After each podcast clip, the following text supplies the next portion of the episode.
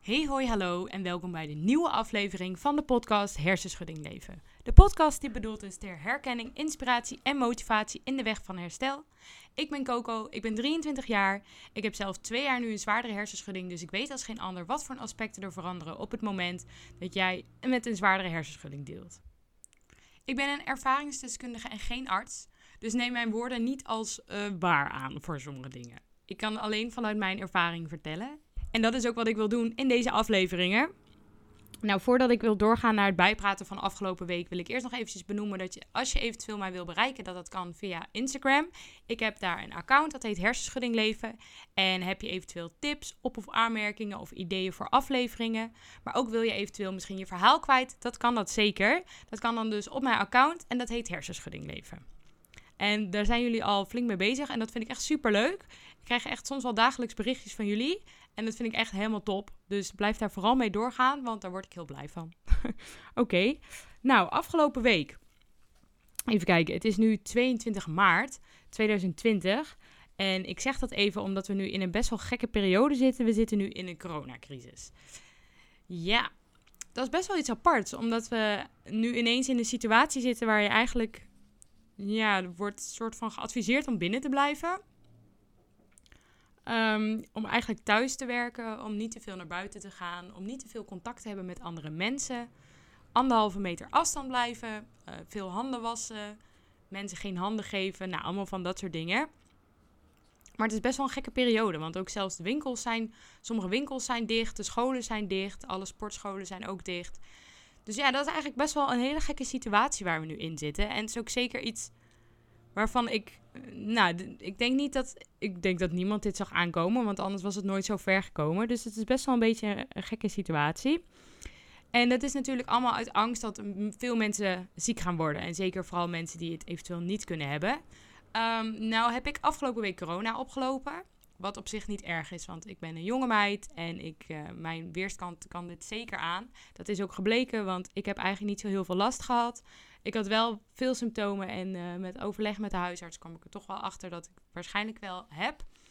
Um, maar het is nu weer bijna weg en ik heb eigenlijk nou ja, niet echt klachten gehad of zo. Dus dat is op zich ook wel fijn. Ik ben blij dat ik het straks immuniteit heb, zodat ik ook dan niet um, andere mensen nog kan besmetten die het minder goed zullen handelen.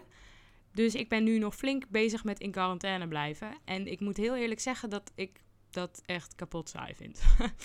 ik heb mijn kamer denk ik al wel twintig keer helemaal uitgezocht. Alles wat er te weggooien valt, is weggegooid. Alle tijdschriften zijn gelezen. Um, ik, ben, ik heb afgelopen maand, ik denk wel drie boeken gelezen. Ik ben nu met het vierde begonnen. Ja, het is echt uh, een heftige situatie. Maar goed, het hoort erbij. Wat ik het fijne eraan vind is um, ja, ik heb het in de vorige aflevering over isolatie ook al gehad. Dus je wordt nu een soort van verplicht om toch weer terug te gaan in isolatie. Nou, mensen met een hersenschudding zullen dat zeker herkennen. Um, voor mijn idee ben ik net in ja, een half jaar uit de, uit de isolatie en kan ik er nu weer terug in.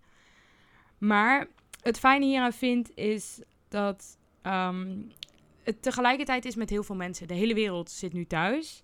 Um, er is kennis over de ziekte die er nu speelt, over het virus. Uh, er is mogelijkheid tot sociaal contact. Dus je kunt gewoon met mensen videobellen, met mensen appen en allemaal van dat soort dingen.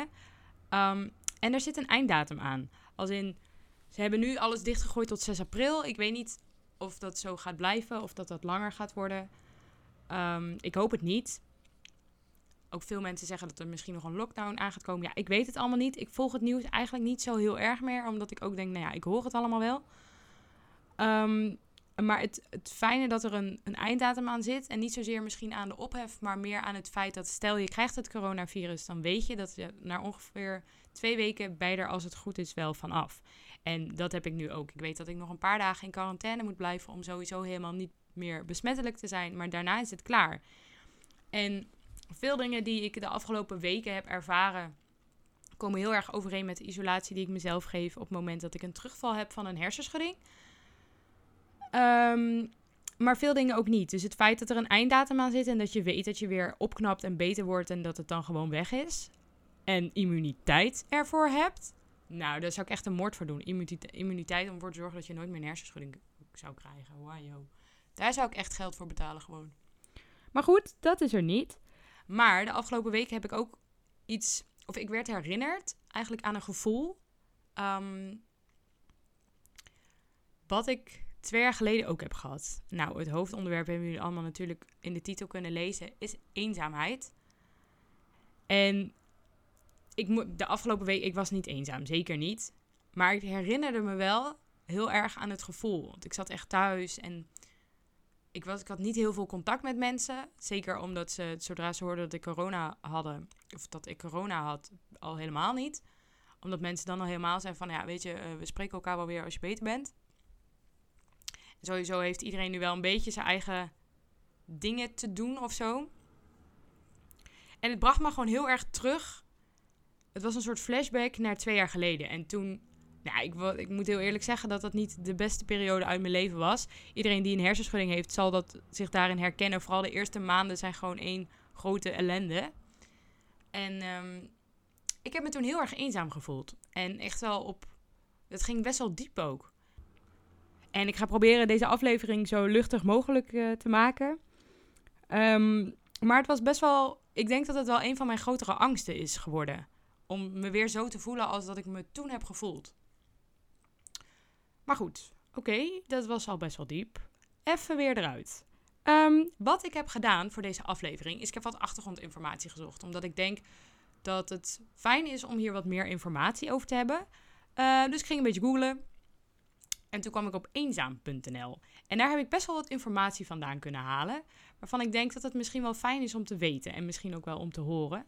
Um, want stel je zit met eenzaamheidsgevoelens. Is het fijn om ook gewoon daar wat meer over te weten. Um, en er zitten ook wel wat tips bij. Die misschien voor jou wel relevant kunnen zijn. En dan wil ik ook nog een beetje over mijn eigen ervaring uh, wat vertellen. Maar eerst wil ik gewoon heel even teruggaan naar het begin. Want wat is eenzaamheid nou precies? Wat verstaat de maatschappij onder eenzaamheid? Wat um, kun je zelf als soort van definitie voor eenzaamheid beschouwen? Daar gaan we mee beginnen. En wat eenzaam.nl zegt is: eenzaamheid is het niet verbonden voelen met andere mensen. Het eventueel missen van een hechte emotionele band met anderen of het minder contact hebben met andere mensen. Het kan voorkomen in allemaal uh, verschillende leeftijdscategorieën. En het is eigenlijk iets wat wel een beetje hoort bij het leven. Iedereen is wel eens een keer eenzaam. Maar het kan problematisch worden um, voor mensen die het sterk of voor een langere tijd ervaren. Nou goed, dat is eigenlijk wat eenzaam.nl zegt als definitie voor eenzaamheid. Op zich lijkt me allemaal goed te volgen, niet heel moeilijk, best wel logisch. Oké, volgende. Er zijn verschillende soorten eenzaamheid. En wat ik ga doen is um, ze alle drie even bespreken. En straks, wanneer ik mijn eigen ervaring ga vertellen, even vertellen wat, hoe ik het heb ervaren. Omdat, ik, uh, omdat ze sowieso ook aangeven, nou, je kan er meerdere tegelijk voelen. En soms versterkt het een het ander. Dus daar kom ik straks dan even wat meer op terug. Maar eerst wil ik even de verschillende soorten uitleggen. Nou, je hebt emotionele eenzaamheid. En dat is het missen van een hechte, intieme band met één of meerdere personen. Dan heb je een emotionele behoefte. Je hebt sociale eenzaamheid. En dat is het missen van sociaal contact. Dit kan komen door eventueel minder contact hebben met andere mensen dan je wenst. En dan gaat het dus over vrienden, familie, collega's, die hele meuk. En dan heb je ook nog een andere eenzaamheid. En eh, ik vind het moeilijk om uit te spreken, maar ik ga het gewoon in één keer doen en hopen dat ik het goed uitspreek. En dat is de existentiële eenzaamheid. Nou, ik zou niet weten of ik het goed heb uitgesproken, maar anders dan uh, sorry. En dat is het missen van zingeving. Het verloren en zwervend gevoel hebben. Geen eigen plek of rol in het leven voelen. En het gevoel hebben van zinloosheid. Vooral die laatste uh, vind ik best pakkend. Maar goed, kom ik straks op terug. Dat zijn dus de drie soorten eenzaamheden die er bestaan. Um, en er zijn wat oorzaken waardoor je je eenzaamheid kan voelen. En die worden eigenlijk onderscheid in drie verschillende dingen. Uh, de eerste is verandering in eventuele relaties. En dat kan zijn dat je um, gaat scheiden. Dat kan zijn dat je te maken hebt met verlies. Dus het overlijden van iemand. Um, of eventueel dat je alleenstaand bent. En dat kan, dat kan ook best wel eh, eenzaam zijn. Maar ook als je eventueel in een relatie zit die eigenlijk niet goed voor je is, kan ook heel eenzaam zijn. Volgende, is, ehm, volgende oorzaak Is omstandigheden. Soms maken de omstandigheden dat je, dat je eenzaamheid kan ervaren. En dat zijn bijvoorbeeld geldproblemen, mantelzorg, Pesten, verhuizen, werkeloosheid. Nou, er zijn er nog veel meer, maar dit was even een compact voorbeeldje. Voorbeelden eigenlijk. En de volgende oorzaak, Is op persoonlijk vlak. Eh, dat kan bijvoorbeeld zijn autisme, dement, de- dementie, depressie, maar ook ziekte of eventueel het gevoel hebben dat je anders bent dan de rest. Hey. Goed, kom je later op terug. Ik ben even stil. Kom je later op terug. Als we de oorzaak hebben gehad, komen we bij de gevolgen. Want eenzaamheid heeft best wel wat gevolgen op lange termijn. Ehm, wat precies de definitie van lange termijn is, weet ik niet zo goed. Maar ik kan me voorstellen dat het niet is na een week of een maand. Ik denk dat het dan echt, echt lange termijn is. Eh, misschien spreek je dan wel over jaren. Maar dat kon ik niet precies erbij vinden. Dus dat durf ik niet met zekerheid te zeggen. Maar ik vind het wel belangrijk om even de gevolgen op te noemen. Ehm, op het moment dat jij nu kampt met een, wow, eenzaamheidsklachten. Zo. Zou ik me niet meteen zorgen maken over de gevolgen. Omdat ik echt denk dat dat pas na lange termijn is. Maar ik wil ze wel even bespreken. Ehm, eerste gevolg is een gezondheidsrisico. En dat kan op meerdere vlakken. Ehm, eenzaamheid heeft een negatieve invloed op je immuunsysteem. En daardoor kun je een ehm, slechtere weerstand krijgen, waardoor je sneller ziek wordt. Nou, dat willen we allemaal niet. Het heeft een beetje hetzelfde invloed als stress, eigenlijk. Maar ook door ehm, een ander gezondheidsrisico is dat er kans is op depressie, of eventueel Alzheimer, of eventueel het hebben van ongezond gedrag. Als bijvoorbeeld wat meer ongezond gaan eten, slecht slapen en minder bewegen. Een volgend gevolg is dat eenzaamheid de kwaliteit van leven bedreigt. Als in eenzaamheid maakt nou niet bepaald gelukkig, het maakt eerder ongelukkig. En dat kan best wel zorgen dat je in een neerwaartse spiraal zit. Nou heb ik een keer een aflevering gemaakt over mindset. Ik weet niet of je die nog kan herinneren. Uh, zeker een tip om even te luisteren anders. Maar goed, daar had ik het best wel over dat je een juiste mindset nodig hebt om ervoor te zorgen dat je makkelijker herstelt. Nou is dus hieruit gebleken dat eenzaamheid eigenlijk ervoor kan zorgen dat je in een neerwaartse spiraal komt. Het zou best wel kunnen dat dat ook invloed heeft op de eventuele statische mindset. Dus voordat je een, groei, een groeimindset gaat krijgen uh, en je bent bezig met het in kaart brengen waar eventueel de um, statische mindset vandaan komt, hou er dan rekening mee dat dat misschien wel kan door het feit dat je eenzaamheid ervaart. Een volgend gevolg is het minder meedoen in de samenleving. Um, sociale gelegenheden uit de weg gaan door eventueel angst of gewoon puur geen zin hebben. Nou, dat staat op eenzaam.nl, maar die zijn natuurlijk niet heel erg bezig met het feit dat wij een hersenschudding hebben. Um, wat zo is, is op het moment dat je een hersenschudding hebt, tenminste de meeste mensen die ik ken, doen automatisch al wat minder mee met de samenleving. Zeker in het begin, um, omdat ze zich even een gedeelte moeten terugtrekken. Ze moeten even zelf herstellen en heel even kunnen ze niet alle prikkels aan, omdat het allemaal wat te veel is. Dus het is dan best wel misschien een grote stap om dan weer mee te gaan doen in de samenleving. En het zou best wel kunnen dat als je dan ook nog eenzaamheid uh, ervaart, dat die drempel dan nog groter is. Maar laat je daar alsjeblieft niet door tegenhouden. Het laatste gevolg wat de site aangeeft is een hoger risico op overlijden. Daar staat wel bij dat dat echt pas is uh, na 55 plus. En ik denk dat dat echt uh, met de jaren gaat. Um, maar daar weet ik niet zo heel veel van. Maar goed, nu heb ik het er eigenlijk even over gehad van wat is eenzaamheid? Um, wat zijn de oorzaken? Wat voor soorten eenzaamheid is er? En wat zijn de gevolgen? En nu wil ik eigenlijk een stukje gaan vertellen wat ik heb ervaren.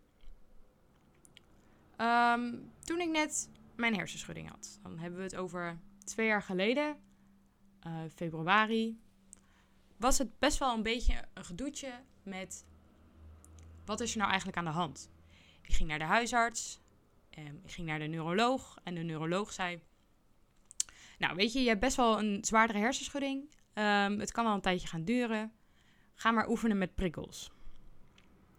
En dat was eigenlijk het enige wat hij zei. De diagnose postcommercieel syndroom hoorde ik, ik denk een jaar later pas, toen ik nog een keer de gegevens van de neuroloog ging opvragen. Uh, omdat ik die nodig had voor een eventuele hersenscan die ik uiteindelijk nooit heb gekregen. Maar toen pas kwam naar voren dat ik een postcommercieel syndroom had. Ik kende die, die term niet, die diagnose-term niet. Wat ik best wel fijn had gevonden als ik dat wel had geweten, want dan had ik daar iets meer over kunnen opzoeken. Maar daar gaat het nu niet om. Op het feit dat ik dat kreeg, ja, dan zit je thuis. Ik had er ook voor gekozen om te stoppen met mijn stage, want dat lukte me niet.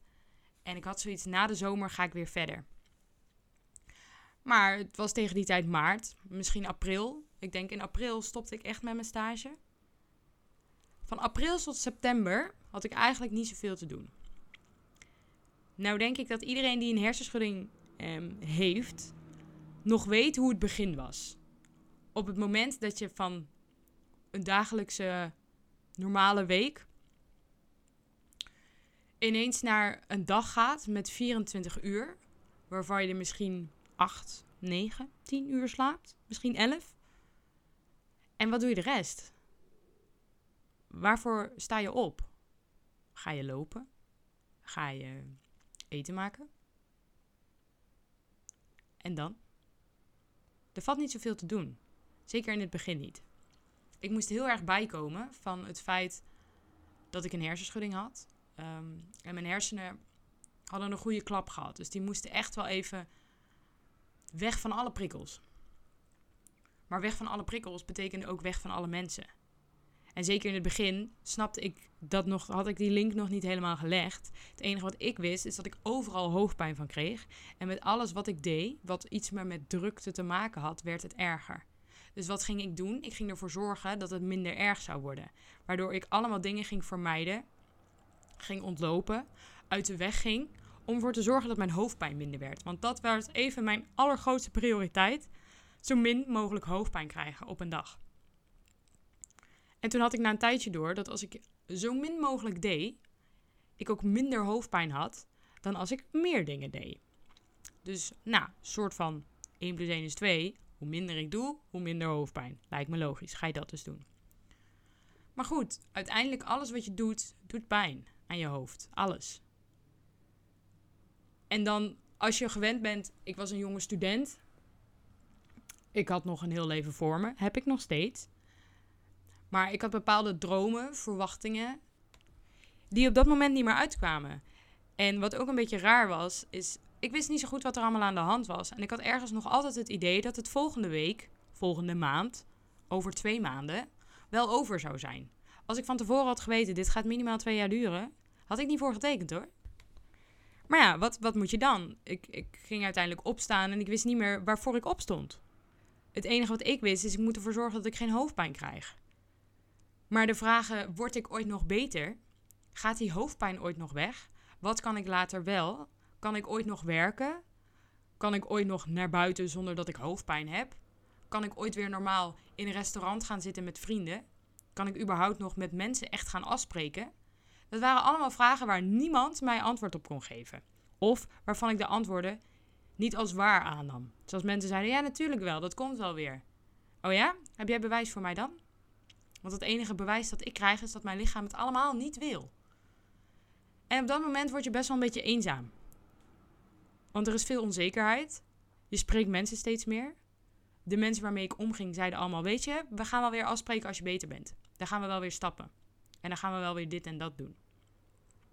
En meestal bleken dit en dat allemaal dingen te zijn die ik niet kon doen. Dus ja, na een tijdje verloor ik ook een beetje hoop. En dan zit je thuis. En niemand snapt het. Niemand kan je vertellen wat er aan de hand is. Ik kan er eigenlijk niet echt met mensen over praten. Omdat na een tijdje weten zij ook niet meer wat ze kunnen doen. En je weet eigenlijk ook niet meer wat je hen kan vertellen. Want ik snapte mijn lichaam zelf ook niet. Het ene moment was ik in de war. Het andere moment had ik last van het licht, maar kon het niet zo goed plaatsen. Geluiden deden pijn, drukte op mijn oren. Dus als mensen iets zeiden, wilde ik eigenlijk liever dat ze hun mond hielden. Maar aan de andere kant wilde ik wel dat ze iets zeiden, zodat, ze, zodat ik afleiding had. Ik wilde dingen weten, maar ik vergat alles. Ik vergat echt alles. Dus ik wilde wel gesprekken voeren, maar dat lukte allemaal niet. Ja, dan kom je toch wel in een sociaal isolement te liggen. Wat best wel wat eenzaamheid met zich meebrengt. En best wel veel angst. En angst zorgt ervoor dat het alleen maar erger werd. En uiteindelijk leefde ik meer in angst. Ik werd echt een heel ander persoon. Ik durfde niks meer. Ik deed niks meer. En dat is best wel eenzaam. Ik vond die periode niet het leukste van mijn leven, zeker niet. En ik zou er alles voor doen om ervoor te zorgen dat ik dat niet nog een keer krijg. Maar ja, dat gaat niet altijd. Maar als je dan kijkt naar die verschillende eenzaamheden hè, die er waren. We hadden de emotionele eenzaamheid, de sociale eenzaamheid en de existentiële eenzaamheid. Die emotionele was het missen van een hechte, intieme band met één of mindere personen. En die sociale eenzaamheid was echt het missen van sociaal contact. Nou had ik op het moment dat ik mijn hersenschudding kreeg, sowieso minder contact met heel veel mensen. Maar ook het contact dat ik had met mensen was anders. Want ik kon het niet uitleggen en zij snapten mij niet en hun leven ging ook gewoon door. En omdat de, mijn tijdsbesef werd ineens heel anders dan die van hun. Voor hun was één week zo voorbij. Voor mij was één dag, bestond uit drie dagen en zes jaar of zo. Mijn dagen duurden zo lang. Het was echt. Ik kreeg een heel ander tijdsbesef. Dus als ik drie dagen met niemand sprak, dan is het voor sommige mensen, voor hun idee, heel rustgevend. Oh, even drie dagen geen mensen om me heen. Voor mij was dat echt één grote hel, want ik had het idee dat ik zes jaar lang geen mensen had gesproken. En dan heb je ook nog die existentiële eenzaamheid. Dus het missen van zingeving. En het verloren en zwervend gevoel hebben. Want ja, waarvoor stond ik op? Ik wist het echt niet hoor. En ik wist wel, ik ben niet iemand om dan op te geven. Maar waarvoor sta ik op? Ik weet het oprecht niet. Ik moet wel iets van een doel hebben in mijn leven. En dat had ik helemaal niet. Omdat ik niet eens wist wanneer er een eind aan kwam. Ik had geen einddatum. Voor mijn idee was het over een week nog steeds zo. En ik had wel hoop. Hoop dat het volgende week beter zou zijn. Of de week daarna. Maar hoe langer het duurt, hoe minder die hoop werd. En na een tijdje had ik eigenlijk bijna geen hoop meer. Totdat mijn revalidatie in het zicht kwam. En totdat ik ging werken. Toen had ik weer zingeving. En toen had ik weer hoop. Want op zich ben ik geen opgever. En ik denk dat jullie dat ook niet zijn. Maar ik denk wel dat eenzaamheid het je heel klein kan maken. Heel kwetsbaar en je heel negatief kan laten denken. Ongeacht hoe je bent. Ik had echt een verandering in mijn persoonlijkheid. En ik ben nu weer terug wie ik was. Ik weet nu ook nu weer waarvoor ik er ben. En ik weet ook de dingen die ik toen heb gevoeld, voel ik nu niet meer. Ik kan er wel over praten, maar ik voel ze niet meer. Maar ik weet wel dat ze er zijn geweest. En hoe diep dat ging. En dat is best wel heftig, dat eenzaamheid zoiets met je kan doen. Wat ik ook wel lastig vond, is, uh, ik denk het contrast. Op het moment dat ik net mijn hersenschudding kreeg, was ik een student. Um, ja, ik nam mijn leven wel serieus. En ik nam mijn studie ook wel serieus. Maar ik had het veel serieuzer kunnen nemen. Maar nou, ik ging afstuderen. Ik had een bijbaantje. Ik ging drie keer per week op stap. Ik had het eigenlijk altijd super druk. En waarom deed ik dat? Zodat ik niet alleen was. Ik was echt niet goed in alleen zijn. Dus ik wilde altijd omringd zijn met mensen. Of wetend dat ik daarna mensen ging zien. Zodat ik me klaar kon maken, haasten, weet ik veel. En anders ging ik een filmpje kijken, zodat ik afleiding had. En niet alleen hoefde te zijn met mijn gedachten en met mijn hoofd en met mezelf. En op het moment dat je een hersenschudding hebt, word je ineens geconfronteerd met jezelf. Want dan ben je ineens ontzettend alleen, ontzettend met jezelf, 24-7.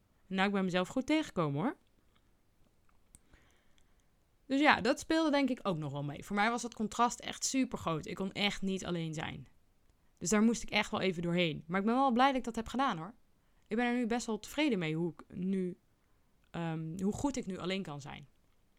Maar goed, over positieve dingen wil ik het straks nog hebben. Over de positieve uitwerking hiervan.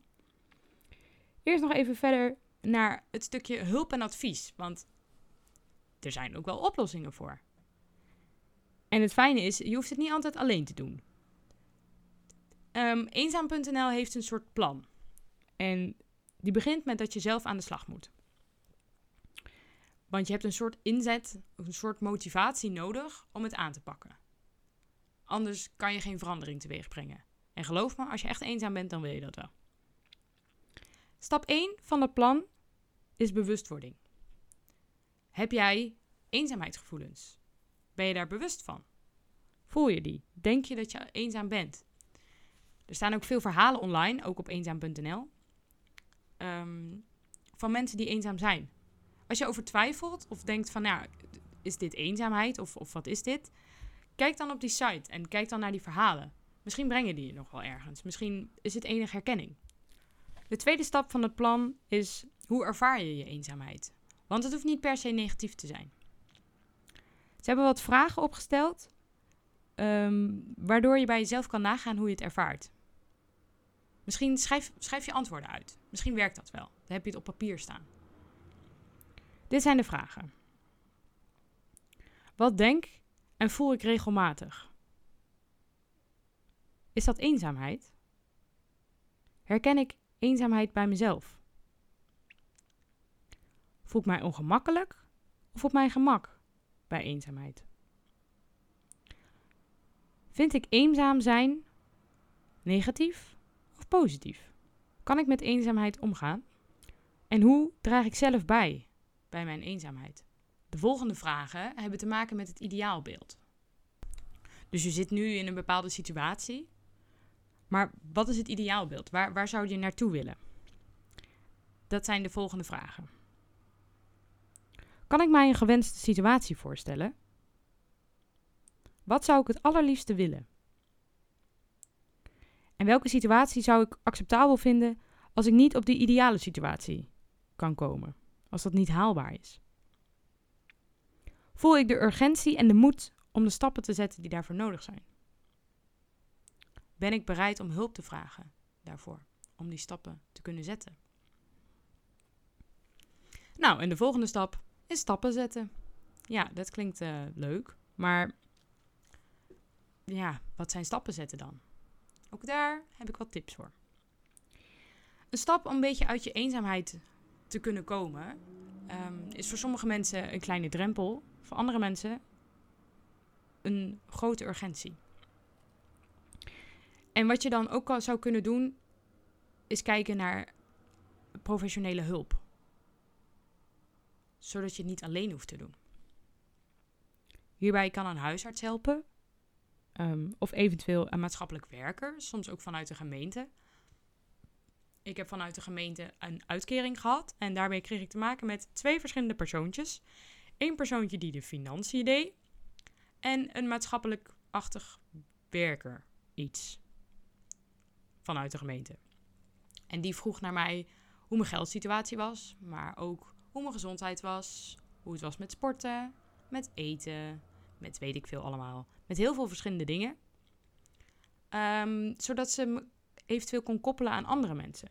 Dus vanuit de gemeente zijn er bepaalde instanties die je daarbij kunnen helpen.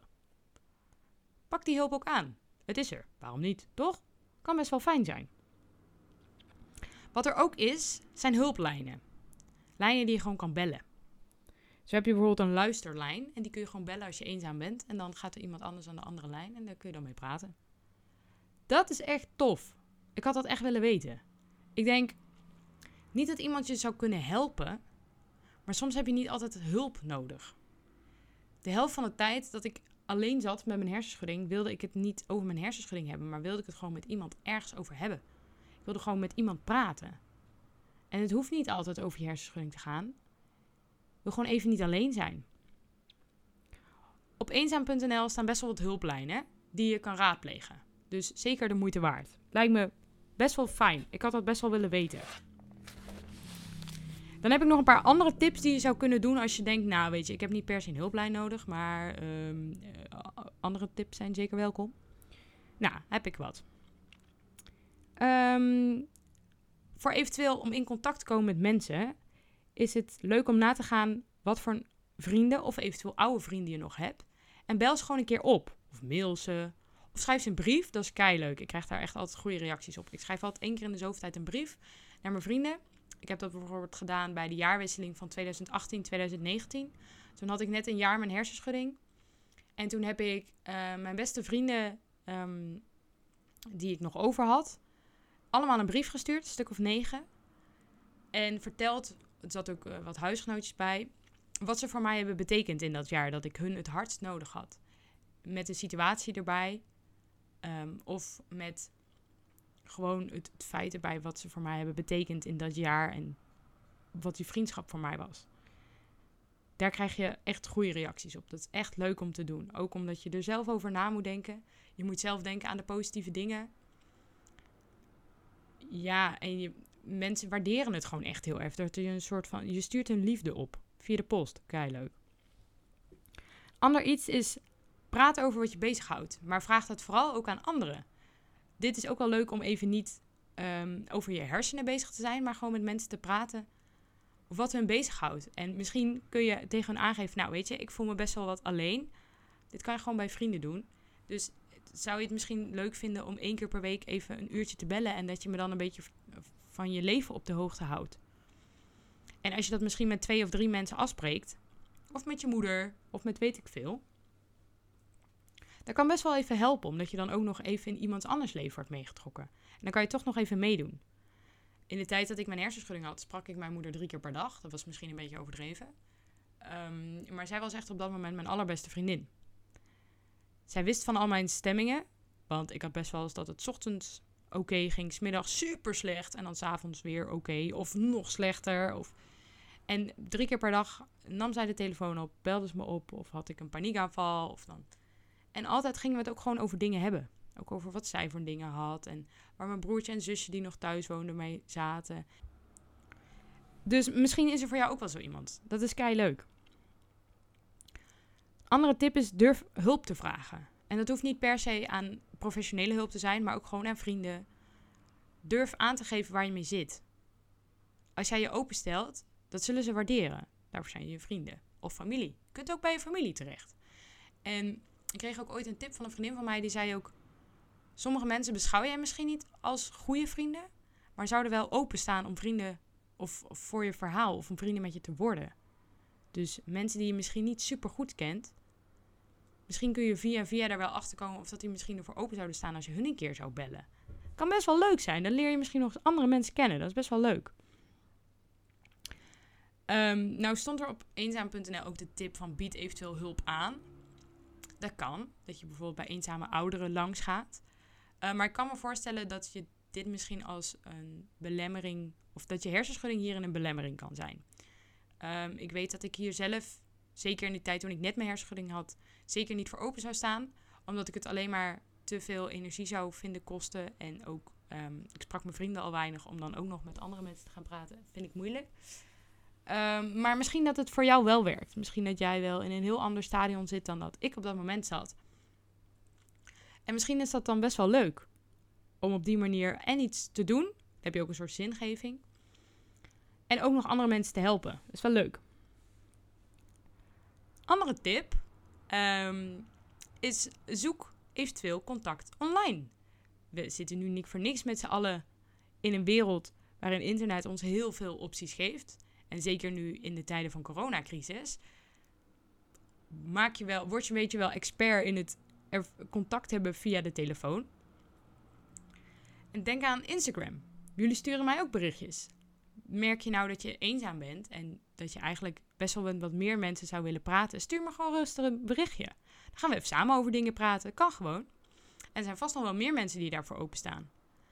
Um, op Facebook zijn er ook veel groepen ik kreeg laatst van een van jullie een berichtje um, dat ze me nog niet kende. En dat ze via de podcast had gehoord door een, door een Facebookgroep over hersenschuddingen.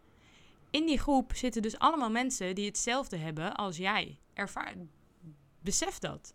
Er zijn vast nog wel meer mensen die daar contact met andere mensen mee zoeken. Misschien moet je daar gewoon een berichtje insturen. Hoi, ik zit alleen thuis. Ik zou het leuk vinden om met mensen te kletsen. is daar iemand voor? Het ergste wat er kan gebeuren is dat je geen reactie hebt. Nou ja, dat is dan ook niet zo heel erg. Maar wat dacht je van dating apps? Kan ook heel leuk zijn. Zeker nu in de tijd van corona hoef je al helemaal niet met mensen op date. Maar dan kun je wel even mensen leren kennen via de app. Dat is wel gezellig. Beetje met mensen praten. Eventueel ook met meerdere. Ehm, een andere tip is om eventueel vrijwilligerswerk te doen. Zodat je dan in contact kan komen met mensen. Nou, dit is een beetje hetzelfde als bied je hulp aan. Ik kan me voorstellen dat dit niet voor iedereen is weggelegd. Maar als het wel voor jou is weggelegd, waarom niet toch? Kijk, leuk. En soms zijn er ook door de gemeente uh, van die georganiseerde activiteiten. Het is ook leuk om daar een keer op af te gaan. Omdat daar ook weer mensen op afkomen. Dus het misschien best wel leuk is om te kijken wat die mensen misschien te bieden hebben. En misschien, uh, ja, zijn er wel mensen met dezelfde interesses of dezelfde gemeenschappelijke hobby's of zo. Dat is kei leuk. Ja, dat waren een beetje de tips die eenzaam.nl gaf en die ik um, die mij te binnen schoten. Dan wil ik nog even wat positieve ervaringen vertellen. Want eenzaamheid klinkt heel negatief. Maar dat had voor mij best wel een positief effect. Um, op het moment dat ik daar doorheen was, kon ik heel goed met mezelf. Ik kan mezelf nu echt goed vermaken. Ik kan best wel drie, vier dagen nu alleen zijn zonder enig mensen te spreken. Ik word er niet super vrolijk van, maar ik kan het wel. En ook door minder mensen te spreken, kan ik mezelf echt goed vermaken. Ik ben echt wel, ja, ik kan goed met mezelf en dat is best wel fijn. Wat ook is, is dat ik veel meer open sta voor contact met mensen. Juist omdat ik de andere kant heb gekend. Dus als ik nu mensen mij iets vragen of mij willen leren kennen, merk ik dat ik daar ontzettend voor open sta. En dat ik heel veel dingen toelaat, omdat ik het heel gezellig vind om gewoon weer onder de mensen te zijn. Wat ik ook merk, is dat als ik met mensen ben, ik sneller mijn telefoon wegleg. Omdat ik denk, ja, ik ben nu met mensen. Appen kan straks ook met andere mensen. Ga dat een beetje verspreiden, zodat ik de hele tijd contact heb met mensen. Wat ik super gezellig vind. En wat ik ook merk is, ook al kan je misschien niet zoveel doordat je een hersenschudding hebt, je kan nog best wel wat. Je moet alleen even zoeken naar de juiste dingen. Maar probeer nog steeds wel met vrienden dingen te blijven doen. Ook wandelen bijvoorbeeld. Als je echt tegen vrienden zegt, ja sorry, ik kan dit en dit en dit niet. Maar ik zou het wel heel gezellig vinden als je me vergezelt met wandelen. Daar staan ze best wel voor open. En ook het laten weten dat je hun vriendschap waardeert. Ook dat is echt wel een positief iets. Ja, en dan wil ik eigenlijk afsluiten met het hoofdonderwerp. Wel nog even het laatst gezegd hebben: heb je nou echt last van eenzaamheid? En denk je dat je niet bij je vrienden terecht kan? Of wil je dat niet op een of andere reden? En wil je het er toch wel even over hebben? Je mag me altijd een berichtje sturen via Hersenschudding Leven Instagram-account. Ehm, ik sta daar altijd voor open. Dus stuur me gewoon even een berichtje. En dan gaan we samen even lekker kletsen. Kan gewoon. Dan heb ik nog één laatste vraag aan jullie. Als jullie luisteren via Apple Podcast of via iTunes, kan je een review achterlaten. En als je dat doet, dan krijgt de podcast een hogere ranking, waardoor andere mensen met een hersenschudding makkelijker de podcast kunnen vinden. Dus dat is nog even mijn laatste vraag. Zou je dat willen doen voor mij? Heel erg bedankt. En dan anders zou ik zeggen, tot de volgende keer. Oké, doei doei!